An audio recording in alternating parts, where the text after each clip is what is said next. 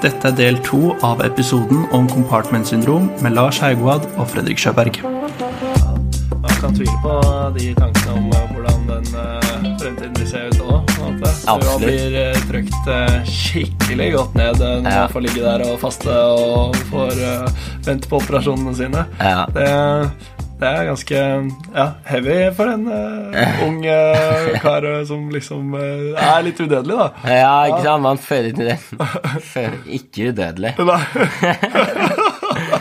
Altså, jeg husker det første jeg tenkte på, var sånn Ok, nå kommer jeg ikke til å klare å liksom komme meg opp på et surfebrett. Fordi da trenger jeg jo begge hendene mine, og jeg trenger ganske bra dorsalfleksjon for å presse meg opp på et surfebrett.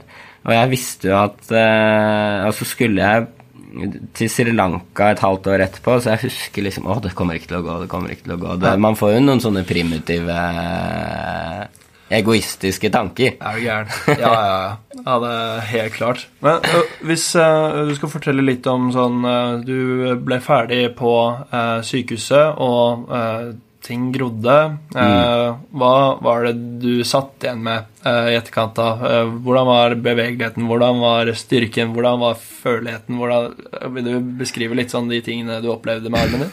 Ja, det kan jeg godt. Jeg hadde jo eh, nerveaffeksjon, så eh, også de åpnet jo både det volare kompartmentet og det øverste og dype og det dorsale, eh, sånn at jeg hadde jo medianusnerveskade, ulnarisnerveskade og veldig sånn mye kontrakturer i hånda, så jeg klarte ikke å rette ut fingrene.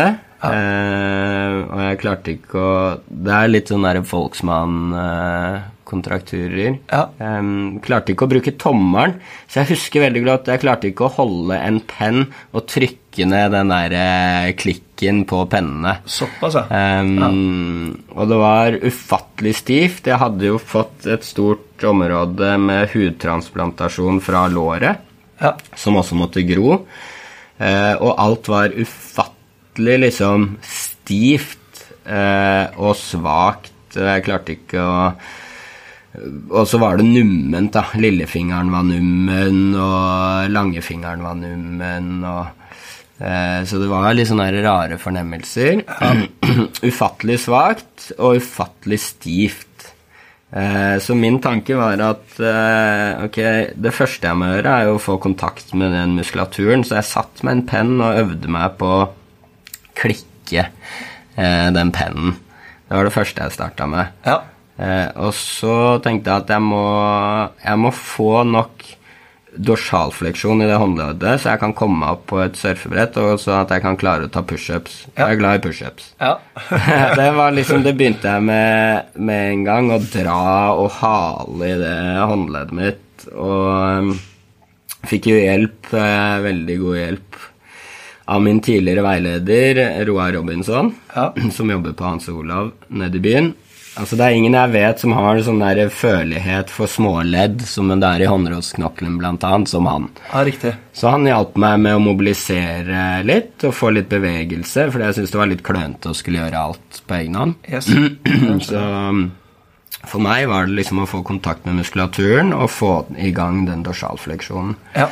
Eh, eh, lær, øve på liksom pinsegrep, satt med piano bare for å på en måte bevege fingrene. eh, øvde på å kneppe opp skjorta, kneppe Ja. av skjorta for å skjønne liksom finmotorikken. Riktig. Ehm, og, så, og så begynte jeg med resten av liksom styrketreningen etter hvert. da.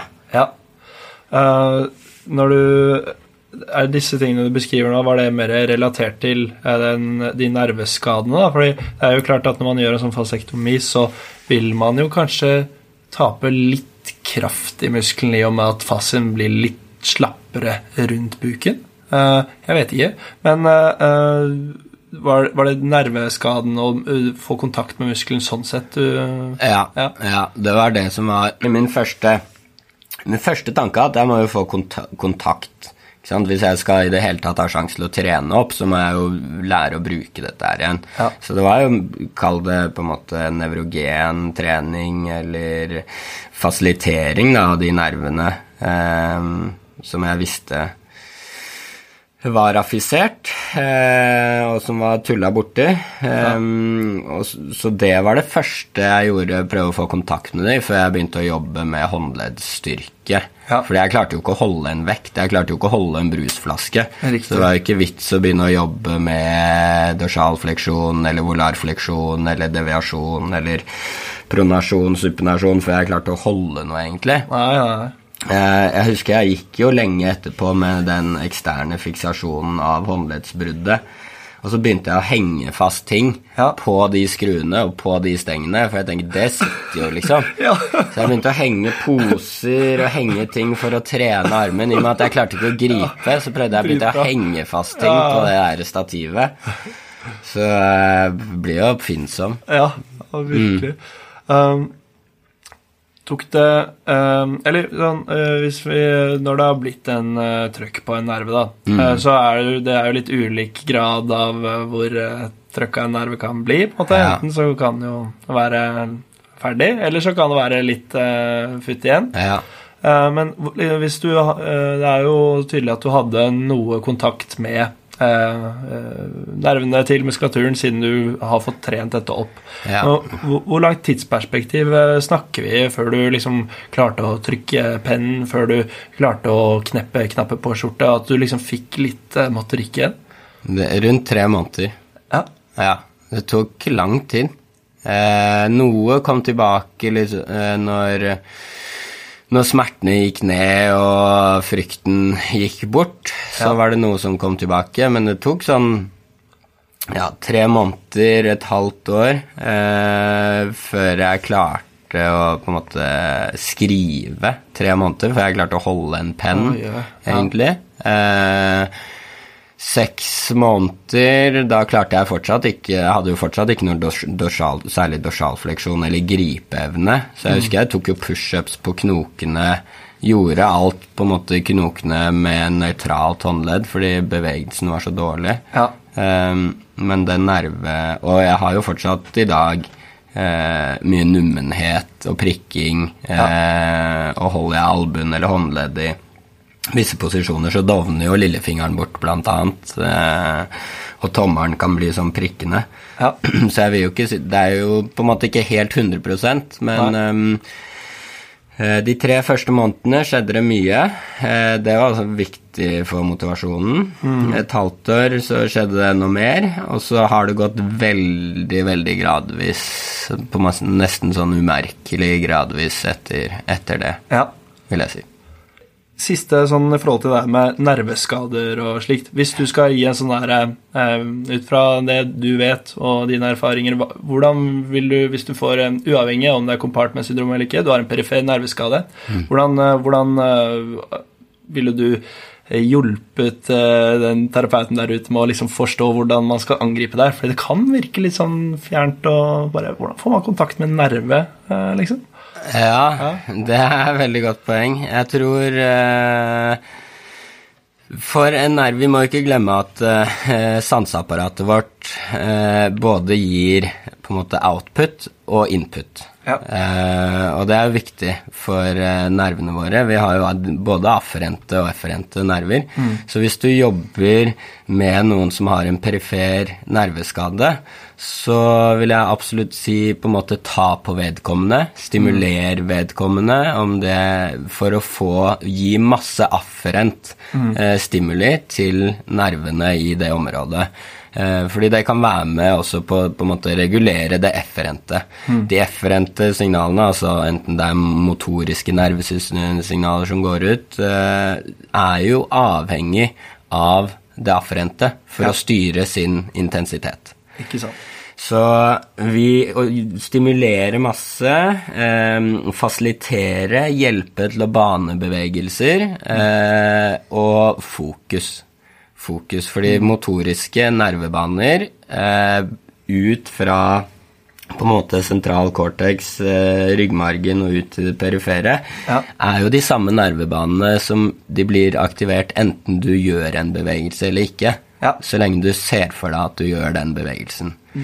Så dette her med fa fasilitering, dette her med mentalisering, visualisering, jobb, ha full fokus på det du skal gjøre, konsentrer deg, det er ekstremt slitsomt, eh, og det tar lang tid, eh, og du må gjøre det hyppig. Ja. Så på en måte cues, afferent stimuli, eh, ikke være redd for å ta på pasienten, guide pasienten, bane pasienten, trygge pasienten, eh, og hypp, frekvens og fokus. Ja. Det er liksom de cuene jeg tror eh, mange der ute kan, kan få hjelp i. Ja. Uh, ja. ja. Det er eh, Når du trykker på pennen, så kan du ikke se på TV samtidig. Nei, det Og du kan kanskje men, Etter hvert kan du ja, det. Men mm. du må, det er det der når det er en ny eh, motorisk bevegelse du skal lære deg igjen, på en måte, så må du ha skikkelig fokus. Eh, Mm. eh, du er jo eh, kids, og du ser sikkert hvor eh, hardt de fokuserer når de skal prøve seg opp. og Det er litt, Mm. eh, litt tilbake læresystemet der, da. Ja, helt, helt klart. Man kan jo bli ekstremt eh, atrofiert av å faste og ikke kunne bevege seg, og man blir svak, og eh, på et tidspunkt så er det jo viktig å eh, begynne å spise og trene. Ja, eh, hvordan, eh, hvordan eh, går man fram på en som er så eh, så svak? Hvordan trener man eh, liksom? Ja, det er et godt poeng. Først må du be om å spise riktig. Ja. Eh, ernæring og Altså, du blir ikke frisk av å ligge på norsk sykehus. Eh, dessverre. Dessverre. Det, så er ikke Altså, unge oppegående mennesker, når de når vi blir utmatta av å ligge på norsk sykehus, så tør jeg liksom ikke å tenke på de som er litt eldre og fra før er litt dårlig i kosten. Um, så det å spise riktig, få i seg litt ekstra proteiner og energi når du har eh, en atrofiert tilstand, det er viktig. Proteinkildene som bygger opp og er byggesteinene til alt vev i kroppen. Um, muskulatur er jo litt mo mer mottakelig for vekst eh, dersom man introduserer med på en måte litt flere repetisjoner Ja. uh, på lavere intensitet. Um, så eh, har du en atrofert eh, muskel en måte, Det er jo to måter å tilnærme seg det på. Eh, det ene er jo det nevrogene. Mm. fordi vi vet jo at kraft taper seg tre ganger så fort som muskelmassen taper seg. Så, så muskelsvakhet er jo ikke synonymt med mengden muskelatrofi. Eh, I og med at det skjer så mye nevrogent eh, også i vevet eh, og i nervesystemet. Så, så på, på den ene siden så har du eh, det for å få tilbake kraft, så må du jobbe med huet. Ja. Du må jobbe med fokus på å lære deg å aktivere, og det kan du gjøre på lett motstand eller masse motstand, men få repetisjoner, kanskje. Ikke sant? Full fokus, få repetisjoner, få den muskelen til å aktivere seg så mye som mulig. Ja, ja. Så der har du Masse volum. Ikke sant? Masse volum, masse fokus, masse fokus. Ja. Så det er liksom den ene delen, den nevrogene bidraget til kraft, og så har jo du den andre, det her sjølve atrofien, da, muskelvolumet. Og det kan du jo tilnærme deg med litt flere repetisjoner, litt lavere belastning, eh, for å gjøre muskelen mottakelig for hypertrofi. Ja. Eh, og hypertrofi, da har vi jo et ønske om å øke muskelmassen. Så du må jo nærme deg eh, utmattelse når du jobber med en motstand.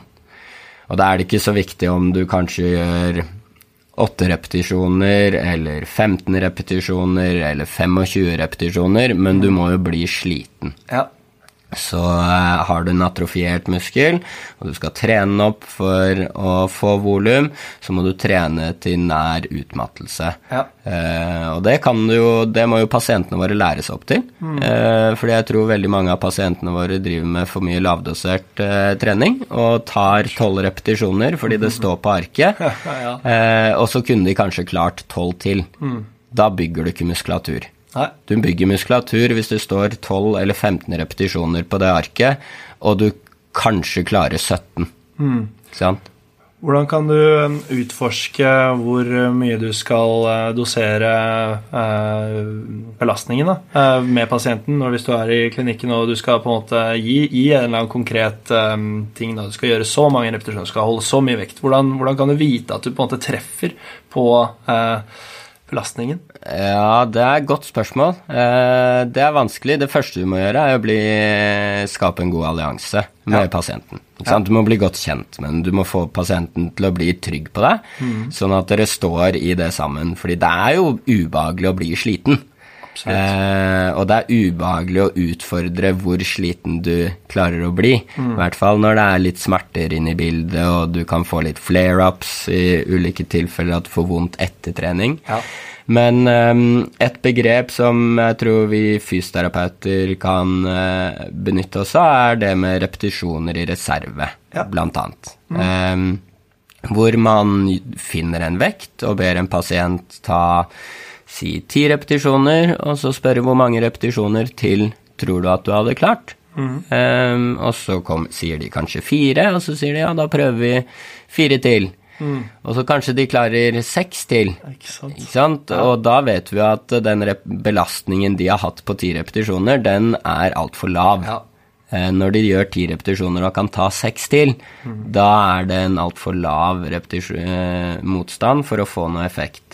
Så for hvis vi tenker at hvis vi skal bygge muskelvolum, da vil du kanskje ha to eller tre repetisjoner igjen i reserve. da, Du skal bli mm. ganske sliten.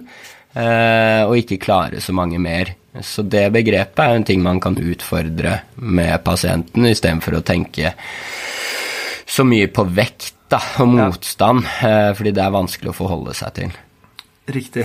Ok, så når jeg bare eh, prøver å oppsummere litt eh, på atrofierte biten Det er altså eh, kjempeatrofiert. Da er det egentlig snakk om å få inn repetisjonene. Ha mange repetisjoner. Eh, gjøre det om igjen, om igjen. Ha fokus på at du skal gjøre oppgaven eh, for å rekruttere nervefyringen til muskulaturen også. Um, Sant? Ja, men ja. trenger ikke nødvendigvis å ha På det nevrogene så trenger du ikke å ha så masse repetisjoner. Okay, Fordi ja. det er snakk om mer sånn Kall det power-treningen, da, eller kall det liksom fokustrening. At, og det er vanskelig å opprettholde fokus over lang tid. Så, så, ber du en eh, pasient om å gjøre en ting 30 ganger, ja. så mister de fokus etter 12-15. Yes. Så det er bedre å si sånn Ok, nå skal vi gjøre det seks ganger. Ja. Seks ganger, full fokus, og så en god pause. Ja. Så kanskje heller litt flere serier. Ja, riktig. Så jeg sånn, tror den ja. volumdelen, den kommer mer på, på det muskelfysiologiske, altså muskelvekstdelen. Ja. Mm. Ok, ok. Så uh, nå uh, pa uh, pasienten, eller Ja, vi har blitt sterke nok til å kunne bevege oss i hverdagen, til å kneppe skjorta, til å gjøre litt sånne ting. Hvordan skal man ta det videre? Fordi ofte, så hvis man ser på tallene over hvem som får compartment syndrom, f.eks., så er det er en stor andel unge menn i forhold til kvinner, i hvert fall. Og er, man kan jo sikkert gjøre seg mange tanker på hvorfor det er unge menn som eh, ja, eh, får dette. Det er sikkert flere bidragsytere til det. Men uh, kan det hende at det er noe idrett man skal returnere til. Det er noe, noe man ønsker og man har drømt om fra sykehussenga at dette her skal jeg tilbake, jeg skal surfe, liksom. Mm. Uh, uh, hvordan, hvordan, tar man eh, skrittet videre og trener seg opp eh, etter du liksom har fått lagt det første eh, fundamentet, og du begynner å faktisk fungere litt i hverdagen igjen? da? Hvordan blir du sterk? Mm. Eh, jeg tror det er eh, mye gradvis eksponering. Og mye tilpasset eh, eksponering det å kunne ha en litt sånn sikkerhetsbuffer, enten Altså hvis det er Hvis du har fått compartment i et legg da, etter en leggfraktur, eller eh, at du har fått det etter masse, masse løping, eh, så må du jo kanskje finne en alternativ eh, til løping, eller se litt på løpeteknikk eller tilnærme deg på, i et annet miljø. F.eks. mykere underlag, eh, kortere distanser. Veldig, veldig myke sko med masse demping, ikke gå rett på en løpebane med piggsko, som gir en enorm sant. eh, belastning på muskel-skjelettsystemet. Um, så vi bør jo vite hvordan vi kan manipulere belastningen gjennom kontekst, eh, både når det gjelder trygge rammer, eh, underlag, em, fart, ting som går fort, og ting som er veldig krevende for muskel- og skjelettsystemet. Ja. Eh, Så vi må se utenfor vår klinikk. Vi må få med pasienten ut i real life, da. Ja. Um, For min del med håndleddet så kjørte jeg med håndleddsskinnene Ja. eh, i lang tid, eh, fordi jeg var kjemperedd Ja. for at noe skulle skje igjen. Jeg kjørte med Jeg fikk spesialtilpassa en sånn plastikkskinne som lå over eh, det transplanterte området, fordi jeg følte det var ekstremt sårbart. ja, at det var liksom tynt og Ja, ja, ja. Det er jo ikke noe, subkut ikke noe subkutanis her. Nei, ikke sant? Det er ikke noe fett, så det er jo rett inn på nerver og blodårer og muskler og sener, så du føler deg ekstremt eksponert. Ja. Eh, Så bare ha noe som dekket over det, gikk fra en skinne til en bare sånn long sleeve Ja. eh, for å oppleve at det er litt tryggere, Ja. hjalp jo meg i den gradvise eksponeringen til å komme tilbake i hverdagsaktivitet. Ja, jeg gjerne liksom eh, eh, snakke litt om denne frykten også. Jeg uh, husker jo selv at jeg så på det som nesten en umulighet at jeg skulle liksom Skal jeg drive og trikse på skiet? Skal Ja. jeg baklengs ned bakken? Så kom man liksom til eh, eh, Ok, jeg skal gjøre det her. Fikk for meg sånn greie sånn Jeg skal ikke klippe meg før jeg har landet alle triksene jeg kunne før. Ikke sant? Det sånn der, Du lager deg sånne greier, da. Ja. Men uh, greia var at når jeg kom i bakken, så var jeg livredd. ikke sant? Eh, eneste jeg så for meg, var jo bare scenario eh, Jeg kan jo falle og skade meg. Ja. Eh, og det der var, det var eh, Håret ble langt. Eh, det tok dritlang tid før jeg landet alle triksene igjen, men eh, har, har du, noe, du, du jobber jo mye med idrettsutøvere, og idrettsutøvere har en tendens til å skade seg. Og da blir det jo noen elementer som man ikke kan forberede seg helt på. Da.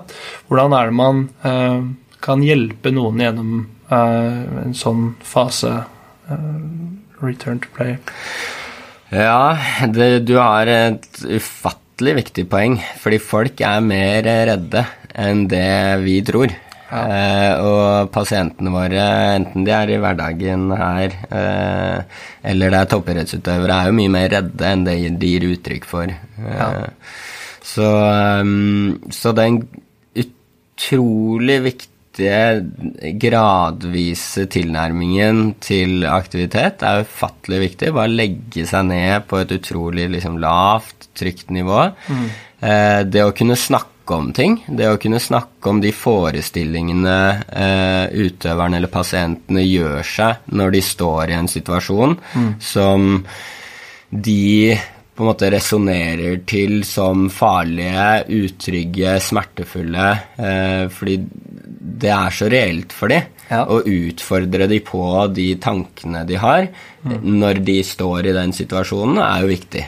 Sant? Sånn som Ja. for deg, ok, du har kjørt ski hele livet. Hvor sannsynlig er det at du på en måte I hvor stor grad har du trua på dette her? Hvordan var det før du falt? Eh, se for deg at du lander, og så går du derfra tilbake. Det er jo en teknikk mange bruker på utøvere som f.eks. har falt. Ja. Så skal de gå Så skal de spille hendelsen baklengs fra et godt fall Ja. og tilbake til på en måte hoppet.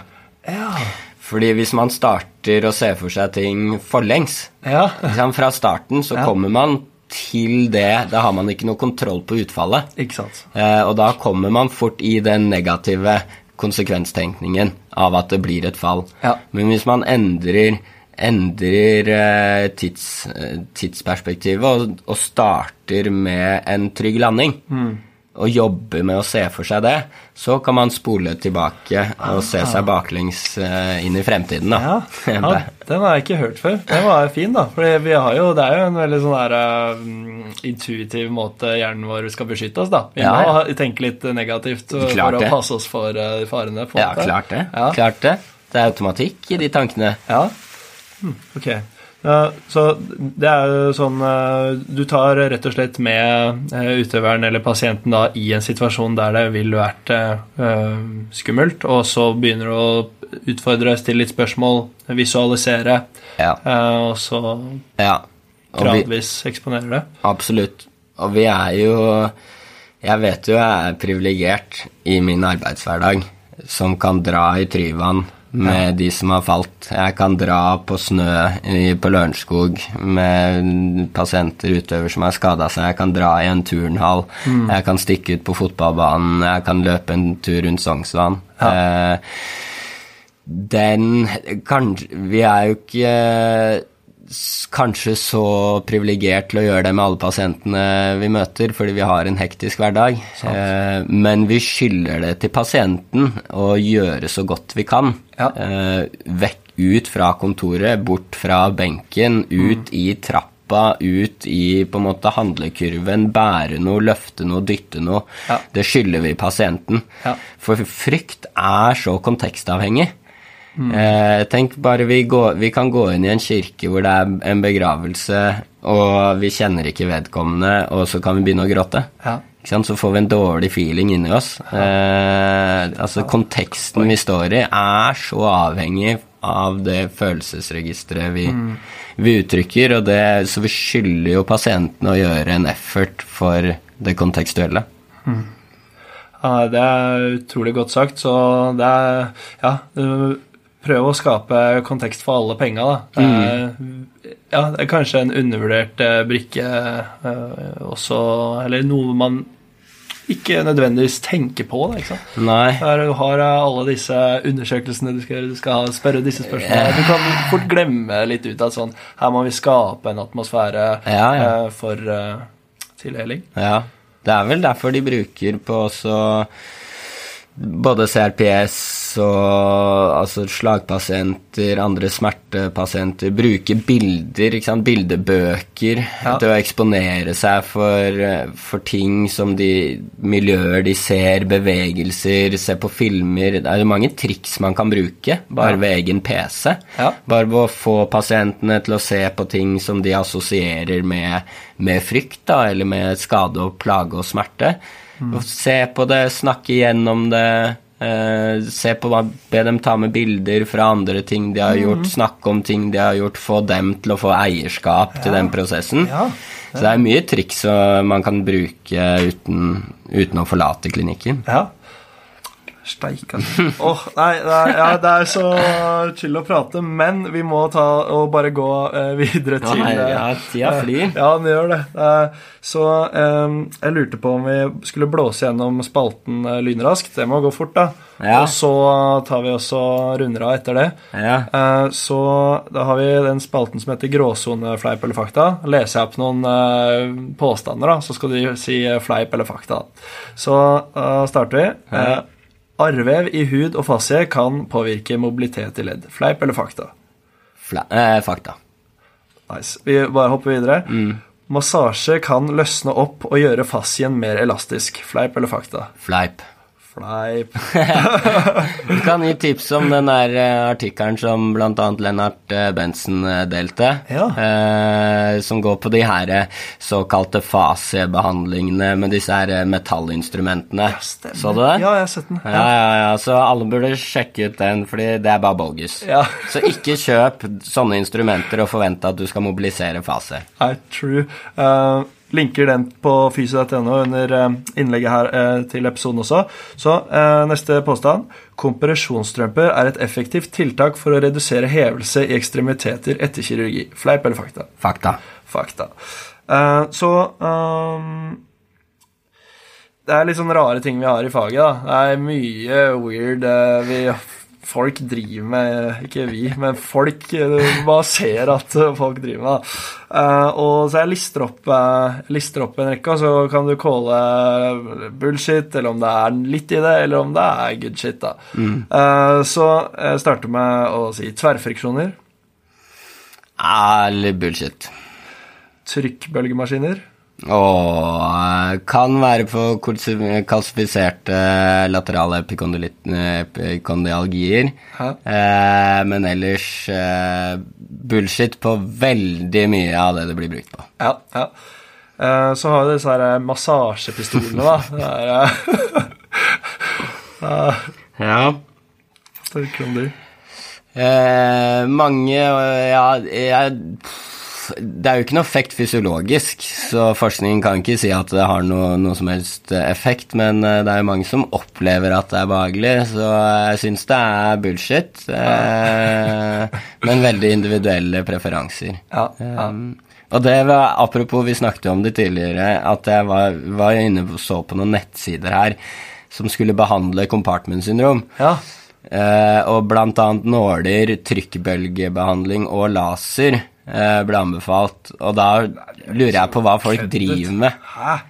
Trykkbølge på et område som har økt trykk og gir smerte, da er du, da er du ute på viddene. Å, fy flate. Nei, nei, nei. Det er, nei, det er krise. Åh. Ok, videre. kinesoteip Kinesotape. Tull. Cupping. Tull. Dry needling. Tull. Ok. Hvorfor fortsetter folk med det her, da?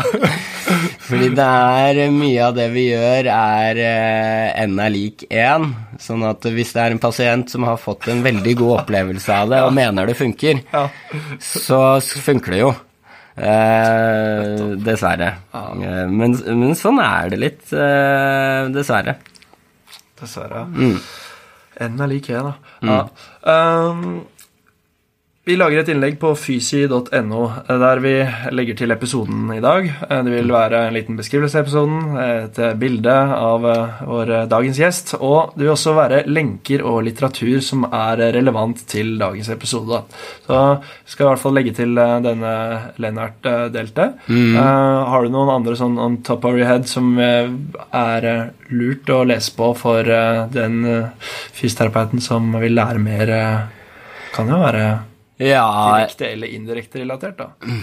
ja, altså de fleste fysioterapeutene Jeg syns at The Lancet-serien med ryggplager Ja. eh, bør ligge der, fordi mm, det er noe vi alle møter. Ja. Eh, alle studenter, alle fysioterapeuter møter pasienter med ryggsmerter. Eh, da kan du også linke opp den som Gøran og Per og jeg publiserte i går. Ja. Det med kjernemuskulatur og trening av det. Ja, stemmer. Ja.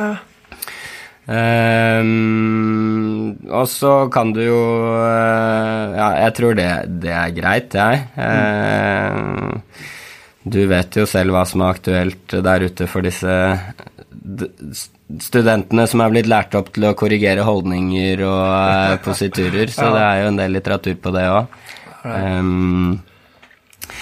Men eh, nei, utenfor det Så jeg kan hjelpe deg med å legge til noen studier på artikler på styrketrening, Klasse. Det er kjempebra. Det er høyst relevant. Ja, og det med å tåle smerte, som eh, er blitt gjort en del på hvordan fasilitere og hvordan snakke og hvordan støtte pasienter eh, i treningen når de har vondt. Det høres ut som en liten gullgruve. Åh, nice. Lars, det var eh, kjempehyggelig å ta praten med deg. Takk for at du ble med på podkasten. Takk skal du ha, Fredrik. Det har vært helt eh, supert. Tida har flytt, og det gjør det i godt lag. Ja, er hyggelig, altså. Ok, da hører dere, oss, eh, hører dere fra oss senere her på Fisepodkast. Ha det bra. Takk for at du hørte på Fisi podcast. Håper du likte denne episoden. Følg oss gjerne på Facebook og Instagram. Der har vi ukentlig quiz og deler relevant fagstoff. Husk å abonnere og rate podkasten, slik at vi når ut til flere.